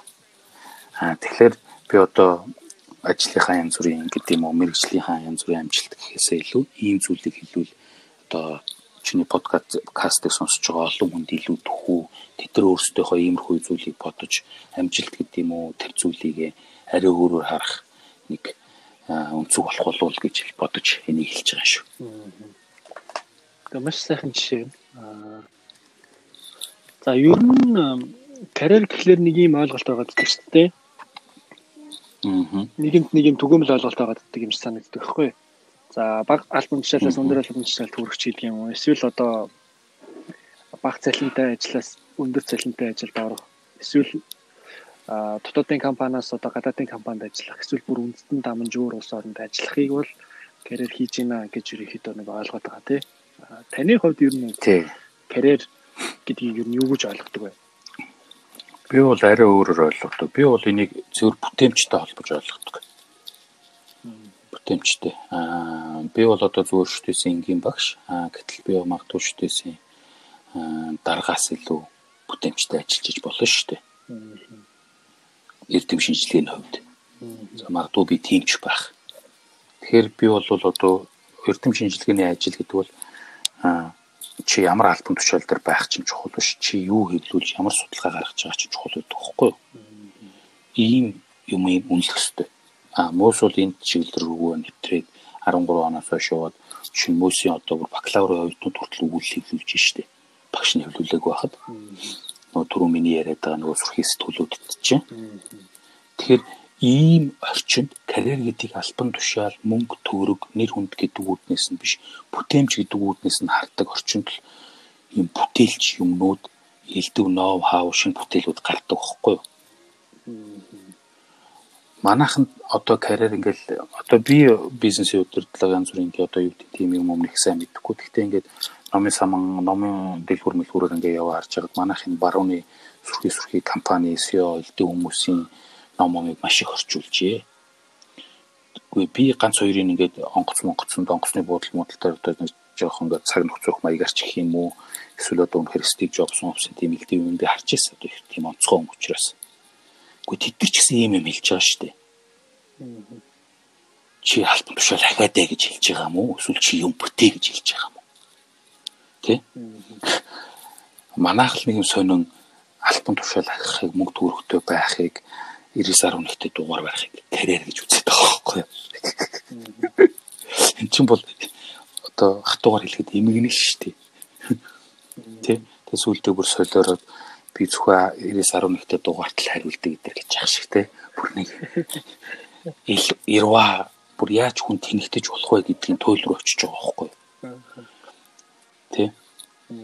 Тэгэхээр карьер гэдэг бол би бол бүтээмжл гэж чи тий зүгээр жирийн докторийн хувьд нь ч байж болно магистрийн хувьд нь ч байж болно за бүр их шиг одоо компани пантер одоо илүү түгээмэл ертөнцид ярил л да чи маркетингийн албаны зүгээр нэг ажилтан байж болно Тэгэхдээ чиний гаргаад байгаа санаа маркетингийн албаны дарга эсвэл тэр захирал гүйцэтгэх захирлаас илүү байхыг л би бүтээмжтэй байхыг илүү гэдэг ч одоо тийм бүтээмжтэй байхыг үр дүнтэй байхыг би бол карьер гэж хэлнэ. А миний карьер ч гэсэн тэгж яваа. Би яг л энэ утгаар нь үзэж карьераа төлөвлөж болохоос ш. Би одоо 10 жилийн дараа одоо юу гэдэг те тийм альбом тушаал дээр очих мэтэр гэж бол би төрөөсөө бодож төлөвлөдөггүй. Эсвэл би 10 жилийн дараа одоо гэж ингэж боддгоо л те. Тэ? За бүтээмж гэдэг нь бол би одоо мөнгө альбом тушаалаар бол тооцохгүй байгаа шүү. Аа. Ийм санаад. Аа За тэгвэл та карьераа ерөнхийдөө хэдэн жилээр төлөвлөдөг вэ? А би бол одоо яг ингээд э, маш олон хүмүүсийг харж байсан л да. А төлөвлөөд өдр бичсэн өдр те ингээд тэмдэглэлийн төвтөр өдөртэй байдаг. А би бол тэгдэггүй. Би бол ер нь төсөөлдөг, боддог. А энэ магадгүй сайн чанар биш байх. Гэтэ яагаад би ийм зуршилтэй болсонгоо чам тайлбарлал ойлгохдож магадгүй. Би аюу сүулт юм болсон. 13 байна уу 4 оноос хойш би тэмдэглэлийн төвтөр хэрэглэхэ болсон байхгүй юу? Тэрнээс өмнө бол ингээл бичээл үгсүггүй байдаг байсан. Гэхдээ нэг зүйл анзаарчихсан зөвхөн би биш миний эргэн тойрны маш олон бичдэг хэрний ерөөсөө хэрэгжүүлдэггүйг нь анзаарсан л та. Шинэ жилийн дараа ч юм уу те шинэ сар эхлэхэд ч юм уу төрсөн өдрийнхөө дараа ч юм уу гой гой төлөвлөгөө хүмүүс аюух бичдэг юм байлээ. Одоо миний анзаарч байгаа шүү. Одоо тэгдэггүй хүмүүс зөндөө байгаа. Эсвэл нэгт өдөр ч юм уу те. Тэгчээ бичингүүт амар гой урам зориг аваад тэрнийхээ дагуу 2 хоног явж яснаа болчдөг юм байлээ л те. За маш олон тийм карьерийн зөвлөгөө элдэн юм өгдөг хүмүүс бол буучахгүй хөтлөөдэй гэж зөвлөд юм бэл уучлаарай тэд нар мянга бичиж тэр ном нь хэдэн саяар зарагдсан ч хүн төрөлхтний магадгүй хинхэн биччихэд хэрэгжүүлдэггүй хэвээрээ байгаад байгаа байхгүй. За энэ юг харуулж байгаа вэ гэхлээр тэрвээ миний таамаглал үнэн болвол те хүн төрөлхтний хинхэнтэй гэдэг нь үнэн болвол ич үр дүнтэй арга биш байгаа байхгүй. Энэ бол магадгүй тэр бестселлер номуудыг зархахад л ашигтай хуудсных нь тоог явуулдаг сайхан хураа зөвлөгөөнүүдийн нэг байгаа байхгүй. За ингэж би амар том бодоод юу гэж бодсон бэ гэхлээр а ерөнхий төлөвлөгөө элдв юм ч байж гин энэ чиний гол зүйл учраас чи мартахгүй шүү дээ. Заавал бичээд ах шаардлагагүй. За энэндээ толгуурлаж чи юу юу хийх юм тэрэндээ хүрэхин тулд яах юм гэсэн хэдэн том том төсөөллүүд элдв юм гаргаж ирэхэд гол багнууд ч гэсэн. Чиний гол одоо хүрх гээд байгаа зориод байгаа юм чи одоо дээвэр гэж үзэх юм бол Тэгэхээр тэр багнуудаа чи нэг нэгээр барих хэрэгтэй. Тэр чин ойрын 2 жилийнх юм уу 3 жилийнх юм уу 4 жилийнх юм уу тэр нь одоо өмнө дээр өөр бах те.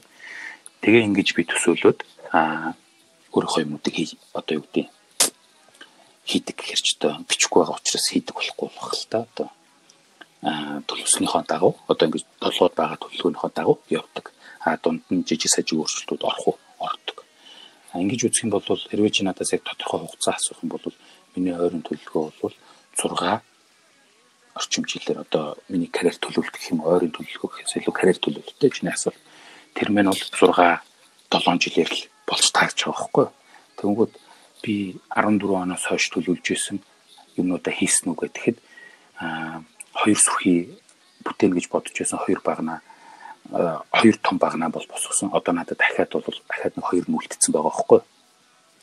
А тэр хоёрт бол би дахиад нэг 5-6 жил иж хүрэх хэрэгтэй.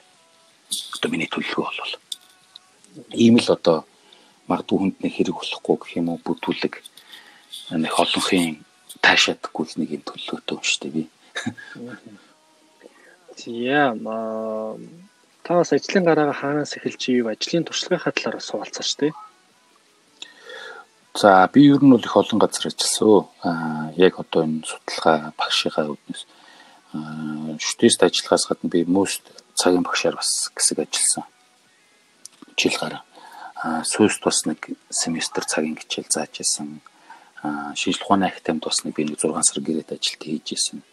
Ер нь Монголын нийгмийн ухааны том гэх юм уу улсын тийм байгууллагууд бол одоо бизнес бусд нь бол бүгдэнд нь л ажилласан байна ийм туршлага байна одоо хичээл заасан судалгаа хийсэн. За янз бүрийн байгууллагууд тийм гэрээтэй одоо тийм түрүү хэлсэн нөгөө эрдэм шинжилгээний биш хэрэглээний шинжтэй судалгаануудыг бол бас нэлээд хийсэн. Нүүбийн төсөлтөөр байж үтсэн Азийн хөгжлийн банк, Америкийн Азийн сан, Дэлхийн банкных, Швейцарын хөгжлийн агентлаг гэдэг энэ олон улсын байгууллагуудын янз бүрийн төсөлтөөр бол ажиллаж исэн. За бүр анх бол сургууль төсөөд бас нэг хувийн дунд сургууль хүртэл багшиж үтсэн. Тэгээд тэрний дараа бол бас хүмүүс сонирн байж магадгүй зочин судлаач гэж би гантны янз бүрийн судалгааны байгууллага сургуулиудад бол э, зочин судлаач хийжсэн. Жишээ нь одоо Дайн улсын Копенгаген их сургуулийн антропологийн тэнхэм Английн Кембриж их сургуулийн Монгол дотоод Аз судлалын төв за Америкийн Нью-Йорк их сургуулийн олон судлалын хүрээлэн За тэгээд Австрийн шинжлэх ухааны академи, нийгмийн антропологийн хүрээлэн гэтэргээд ийм байгууллагуудад би одоо зочин судлаач хийж тодорхой хугацааг өнгөрөөж тэнтэй судалгаа хийж за тэгээд тэн судалгаа хийснийхаа үр дүнд бас өгүүллүүд янз бүрийн юмнууд бол гаргасан. Ийм л ажил хийжсэн да. За тэгээд нөгөө түрүү ярьсан карьер гэдгийн ажил албан тушаал биш одоо бүтээмжид үүднээс нь харж яриа гэх юм бол за дотоод болоод олон улсын сэтгүүлүүд төвлөрсөн 10 гаруй судалгааны өгүүлэл байна. За тэгээд э, өөрөө бичсэн болон хамтарч бичсэн тэгээд редактор гэж нэг ажил үүдэг те ном редакторлдаг штэ хяндаг. Тим нийлүүлээд бас нэг 10-аад ном байна та. Дандаа антропологи. Тий. Ийм л ажил хийж. Аа за дахиад бас нэг асуулт нь болохоор яг хуу илүү таны одоо яг бас мэрэгжилтэй холбогдох юм болов гэж би бодоод байна л да. Аа. Одоо нэг юм генерашнуд гэдээ яриад байна шүү дээ. Одоо бол ялангуяа Z альфа антер гэл айгүйх яригдчихээн те. Миллениал X Y гэл те. За тэрний хувьд ер нь та ямар байр суурьтай, ямар үзэл бодолтой байдаг вэ? яг түрүүн чи өдөр ярьдаг шиг эн чинь бол яг л барууны нийгэмдэр тулгуурлаж гарч исэн ойлголтыг Монгол руу хуулж байгаа хэлбэр шүү дээ. Аа баруунд өөрийнхөө нийгмийг судлаад за ингэж ингэж хуваая гэж нэг судлаач санал гаргасан. Тэ? Эн чинь бүх судлаачд нь чинь санал гаргасан юм биш шүү дээ. Нэг судлаач санал гарангууд энэ жаах ингээд цаашаа төгсөн хүмүүс ингээд жоохон хүлэн зөвшөөрөх маягтай болсон тийм үү.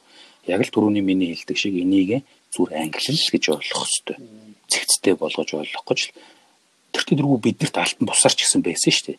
Аа 80-ад оныхон тэгдийн ч гэдэг ч юм уу те. 90-ад оныхон тэгж тоглодог байсан. 80-ад оныхон тийм мэддэг байсан. Эний чинь л нэг юм гоё нэр өгөөд тэгээ тэрийг нэг жоохон албан ёсчлуулах гэж л оролдож байгаа хэлбэр шүү дээ. Аа хүн тэнгуут харин харамсалтай нь манайх энийг хэрэглэхдээ бас л нөгөө ялхурлан гадуурх маягаараа хэрэглэх гээд байгаа юм шиг харагдаад байдаг ш надад бас нол нийтийн мэдээлэл хэрэгсэл эдрийг харахад эн чинь хүмүүсийн хооронд нь үе үеэр нь ялгуурлан гадуурхаж нэгийн сайн муу нийтрээ гэж хэлэх гэсэн биш. Чин зүгээр л ийм юм онцлогтой, ялгаатай, зөрүүтэй гэсэн нэг юм цэгцтэй ойлголт бүтээх гэж гаргаж ирсэн англи л баггүй. Нэгдүгээр ийм ийм санаа. Энийг ойлгох хэрэгтэй. Тэгэхгүй хүмүүс болохоор оо та нар ч одоо тийм идэргээд бүхэн биш шүү те. Тийм их хандлага бол гаргадаг. Тийм пост мос бол би зөндөө харчихсан. Тэгдгүй хүмүүс энэ бол хэлээгүй шүү. Хоёр дахь нэг зүйл нь бол үнэхээр Монголыг монголчууд бид нар өөрсдөө хувь үеийг хяндлах гэж байгаа юм бол бид нар өөрсдийнхөө нийгмийг судлаад ийм ангилал гаргах хэрэгтэй. Манай Монголын нийгэм 100% тэр нийгэмтэй адилхан биш байхгүй юу? 100 битэл дийлэн хуваараач адилхан биш. А хүмүүс болохоор бид нар бүгдөө хотод амьдраад байна. Бүгдөө KFC идээд байна адилхан гэж бодоод байгаа байхгүй юу? Үгүй шүү дээ. Адилхан биш юм зөндөө байгаа. Тэ? тэрийг олж хараагүй, тэрийгэ судлаагүй байж шууд ингэж ерөнхийлцдэг байгаа байхгүй юу? Өвөө адил одоо ялгаахгүй бид нар сая гарын үнэтэй хоттой ялгаахгүй хотод үгжээтэй тийм болохоор бид нар адилхан. Тэгээд ингэ яач. Яг л түрүүний миний хэлээд байгаа шиг шууд сайхан уулж аваад л яалт наагаал нэг нэгэнд тийм шошигнааж штэ. Тэгэл тэргээрээ хэлчихвэл гоё юм уншдаг орчин үеийн модерн ийм хүн болох гээд ирэл гэсэн хөнгөн сэтгэлгээний илрэл юм шиг надад санагддаг байхгүй. Тэгэхээр үнэхээр заавал ангилнаа Монгол тим юм хэрэгтэй гэж үзэж байгаа бол бид нар өөрсдөө нийгмийг л яг үе үеэр судлах хэрэгтэй. Тэгээд үнэхээр тийм байх уу гүй байна уу? Тэ? Тэрийг хэлэх хэрэгтэй. Энэ хамаагүй үр дүнтэй баг. Тэгээд нөгөө өмнө хэлсэн санаагаа бас мартаж болохгүй. Энэ ялгуурлангаа дурах гэдэг юм уу? Нэг нэг дээр доорно гэсэн үүднээс гаргаж ирсэн нэр томьёо биш. Энэ зүгээр л хэлний буюу тэ системтэй ойлгох гэсэн ялгааг нь анзаарах гэсэн юм нэр томьёо шүү гэдэг бас сайн дахиад гадарлах хэрэгтэй. Саяхан бас нэг э, жижигхэн судалгаа хэрэг хийгдсэн байсан. Одоо жишээлбэл яг түрүүний одоо танаас асуусан асуултын дагуу Сика гэдэг нэг судалгааны төгс хийсэн байсан. Яг бид нар яг энэ ангиллалаар одоо монголчууд бид нар яг өөрсдийгөө онохон зөв үү буруу юу? Яг энэ англи хэр тохиромжтой вэ гэдэг дээр судалгаа хийгдсэн байсан байхгүй. Тэгээ би уншичаад аа бас яг ингэж явал нэр арай ойлгомжтой юм байна да арай төхөө юм байна да. Бас хитрхи нөгөө нэг түрүүний нэг таны хэлдэг тий. Тэр англи хэл гэдгээс нь биш ингээ нөгөө дээр доор гэдгээс нь ингээ айгүйх яригадаад байгаа юм да гэж бас анзаарч ирсэн байхгүй. Ойлтой шүү дээ тэр чинь. Зя а энэ чиглэлээр магадгүй одоо сурах гэж байгаа эсвэл яг энэ чиглэлээр дөнгөж ажлын гараагаа эхэлж байгаа эсвэл одоо яг дөнгөж төгсөх гэж байгаа энэ залуучуудад хандж та юу зөвлөх вэ? За би бол ер нь хэд хэдэн яриан дээр яг энэ мэрэгжлийн чиглэлийн дагуу хүмүүст зөвлөгөө өгч байсан. Гэхдээ одоо антропологоор сурах хүмүүст хандаж намайг зөвлөгөө хэлээч гэвэл би нэг хоёр зүйл дээр л жоохон ач холбогдол өгмөр байдаг л да. Нэгдүгürt англи хэлийг юу сайн чухалчлах хэрэгтэй. Англи хэлгүйгээр одоо зөвхөн антрополог биш байж магадгүй шүү дээ. Бусад бүх мэрэгжлийн хүмүүс бид нар шинжлэх ухааны тийм мэдлэгт хүрч чадахгүй. Яг түрүүний ярьдаг шиг. Тэнгүүд бид нар ингээд хичнээн бидний агуу сайхан монгол хэл боловч энэ хэл маань юм хязгаарлагдмал мэдээлэл авдаг хэл байгаа байхгүй юу? Тэгээ мэдлэг авдаг те. Тэнгүүд бид нар чинь юу уншиж чинь, юу харж чинь, юу сонсож чинь тэргээрээ бид нар бүтэн штэ. Тэгээд эргээд бидний юу ярих хэлэх, юу хийх маань тодорхойлогдох байхгүй юу? Тэгэхээр уул нь болдог бол олон ил сураад за тий.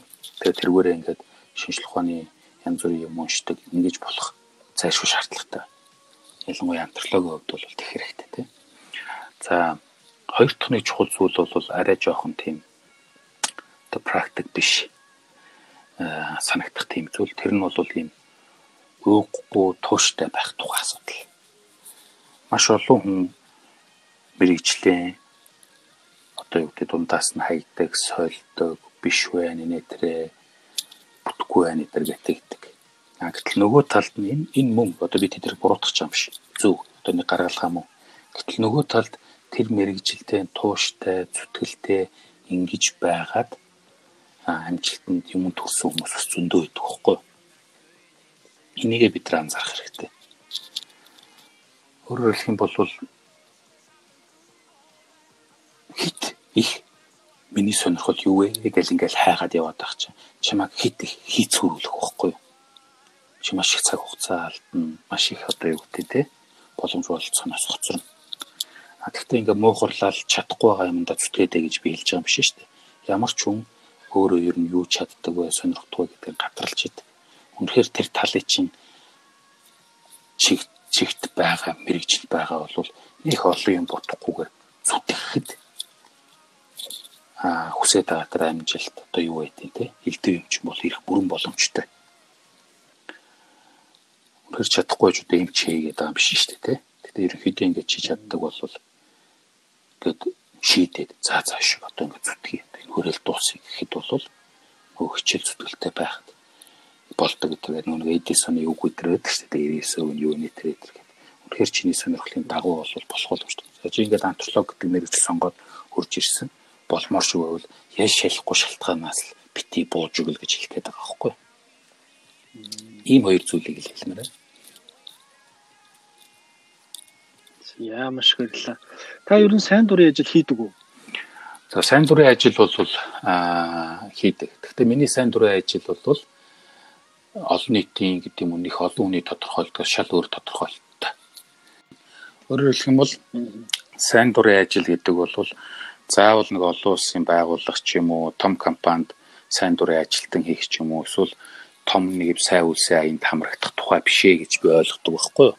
Чи сайн дурын ажил хийх гэж байгаа л заавал аль нэг бодмон дараал арц дараах ч юм уу те эсвэл нүүб ЮНЕСКО дадлага ажилтаа хийх ч юм уу эсвэл нэг том хүмүүнлэгийн байгууллагын төсөлд ажиллах шаардлагагүй. За хүмүүс маш их ингэж боддог юм шиг надад санагдсан. Яг л ингээ хүүхдүүдтэй би ингээд сургуулийн аппликейшн дээр бөглөж явахт нь хамт ажиллахад сайн дурын ажил би хийж байгаагүй штэ гэдэг. Гэтэл үгүй сайн дурын ажил гэдэг чинь бол юу ч байж болно. Үндсэн ажлынхаа хажуугаар хийж байгаа ажил байж болно. Нэг хүүхдийг чинь ном уншихад нь хамт уншаад энэ ингэж яа гэдгийг тайлбарлах хүртэл магадгүй сайн дурын ажил байхгүй юу? Тэгэхээр энэ үднээс нь л ойлгох хэрэгтэй. Жишээ нь би одоо тэр влог хийж гэн тэ хүүхдүүдэд ингээд зөвлөгөө өгч гэн гэдэг бол сайн дурын ажил Тэгэхээр би бол одоо сайн дурын ажил өөрийгөө хийж байгаа гэж тооцож байгаа байхгүй юу гэж тодорхойлохоос ч сайн дурын ажил гэдэг ухт тунчин гарч ирнэ. Тийм учраас заавал нэг томор бодлогоогоор тэ хүнд хэрэгтэй үр дүнтэй юм ажил хийж байгаа тэр зүйлүүдийг бас тооцож явах хэрэгтэй шүү л гэж гэж хэлээд байгаа юм. За хамгийн сүүлд болохоор энэ манай нөгөө нэг асуултны төгсгөл байдаггүй. Гэхдээ би хүмүүсээс шууд асуувал илүү амар юм болов гэж боддог байхгүй юу? Энэ болохоор за мартагдсан Монгол үг гэдэг юм асуулт. Гэхдээ мартагдсан гэхээс илүүтэйгээр бид нар яг нэг юм хэрэглээ ерөнхийдөө ашиглахаа болж гэнүүдаа л гэж ерөнхийдөө хараад байгаа юм нэг юм хуучны эмээ өвгөөсөө сонсч ирсэн нэг юм гоё үгнүүд өгдөг шүү дээ. Биднийг одоо загнахта зандахта баярлахад нь одоо жишээлбэл нөгөө нэг урамшуулахтаа хүртэл ингээ хэлж ирсэн үг нь хүртэл ингээд ухаарлах харилсан аа нанд үгнүүд шүү дээ. Магадгүй өөрийн сэтгэл зүрхэнд үлдсэн тийм үг байвал хуваалцаач ямар утгатай үг байсан бэ? Тэг би бол шинэ өвөө эмээтэйг өссөн хөлтөлтэй. Тиймэрхүү үгүүд бол харьцангуй их сонсч байсан л байх хэвээр. Аа ер нь бол манай эмээ их тийм зүүр үгээр ярьж хүнийг одоо загнадаг сургамжилтай хүн байсан.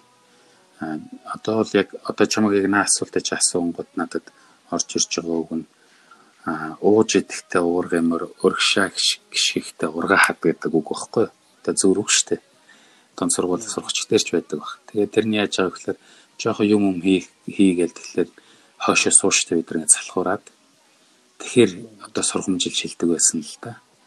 Яг ингээд одоо чиний асуусан тэр мартагдсан тийм нандөө гэхээсээ илүү гэдсэн санаанд нэг төгөхгүй бах. Гэхдээ одоо ингээд нэгэн чи асуусан учраас би хариулахад бол яг одоо санаанд орж ирж байгаа нь энэ л байна л да. Одоо гүц тариулдаг үг би сайн мэдэхгүй байна. Яа тэгээд өнөөдөр урилгыг хүлээн авч цаг зав гарган оролцсон танд маш их баярлалаа. Ингээд өнөөдрийн дугаарт маань Шүтээсийн хүмүүнлэгийн танхимын багш мөнх эрдэнэ оролцлоо. А мөн та бүхэнд энэ дугаар таалагдсан бол тэ YouTube channel subscribe дараарай, пэйжд маань лайк дараарай, шеэр хийгээд бусдад түгээгээрэй. А мөн мөнх эрдэнэ багштай холбоотой түрүүний миний ярьсан нөгөө YouTube channel-ыг заавал сонирхоорой гэж зөвлөмөр байна. Rock and Rollers гэдэг доор линкийг оруулчихна. Тэгэхээр та бүхэн холбоотой мэдээллүүдийг бас үзэж судалж байгаарэ. За тэгээд танд маш их баярлалаа гэж хэлмээр. За их баярлалаа. Өрсөнд их баярлалаа. Ажлаа амжилт хүсье.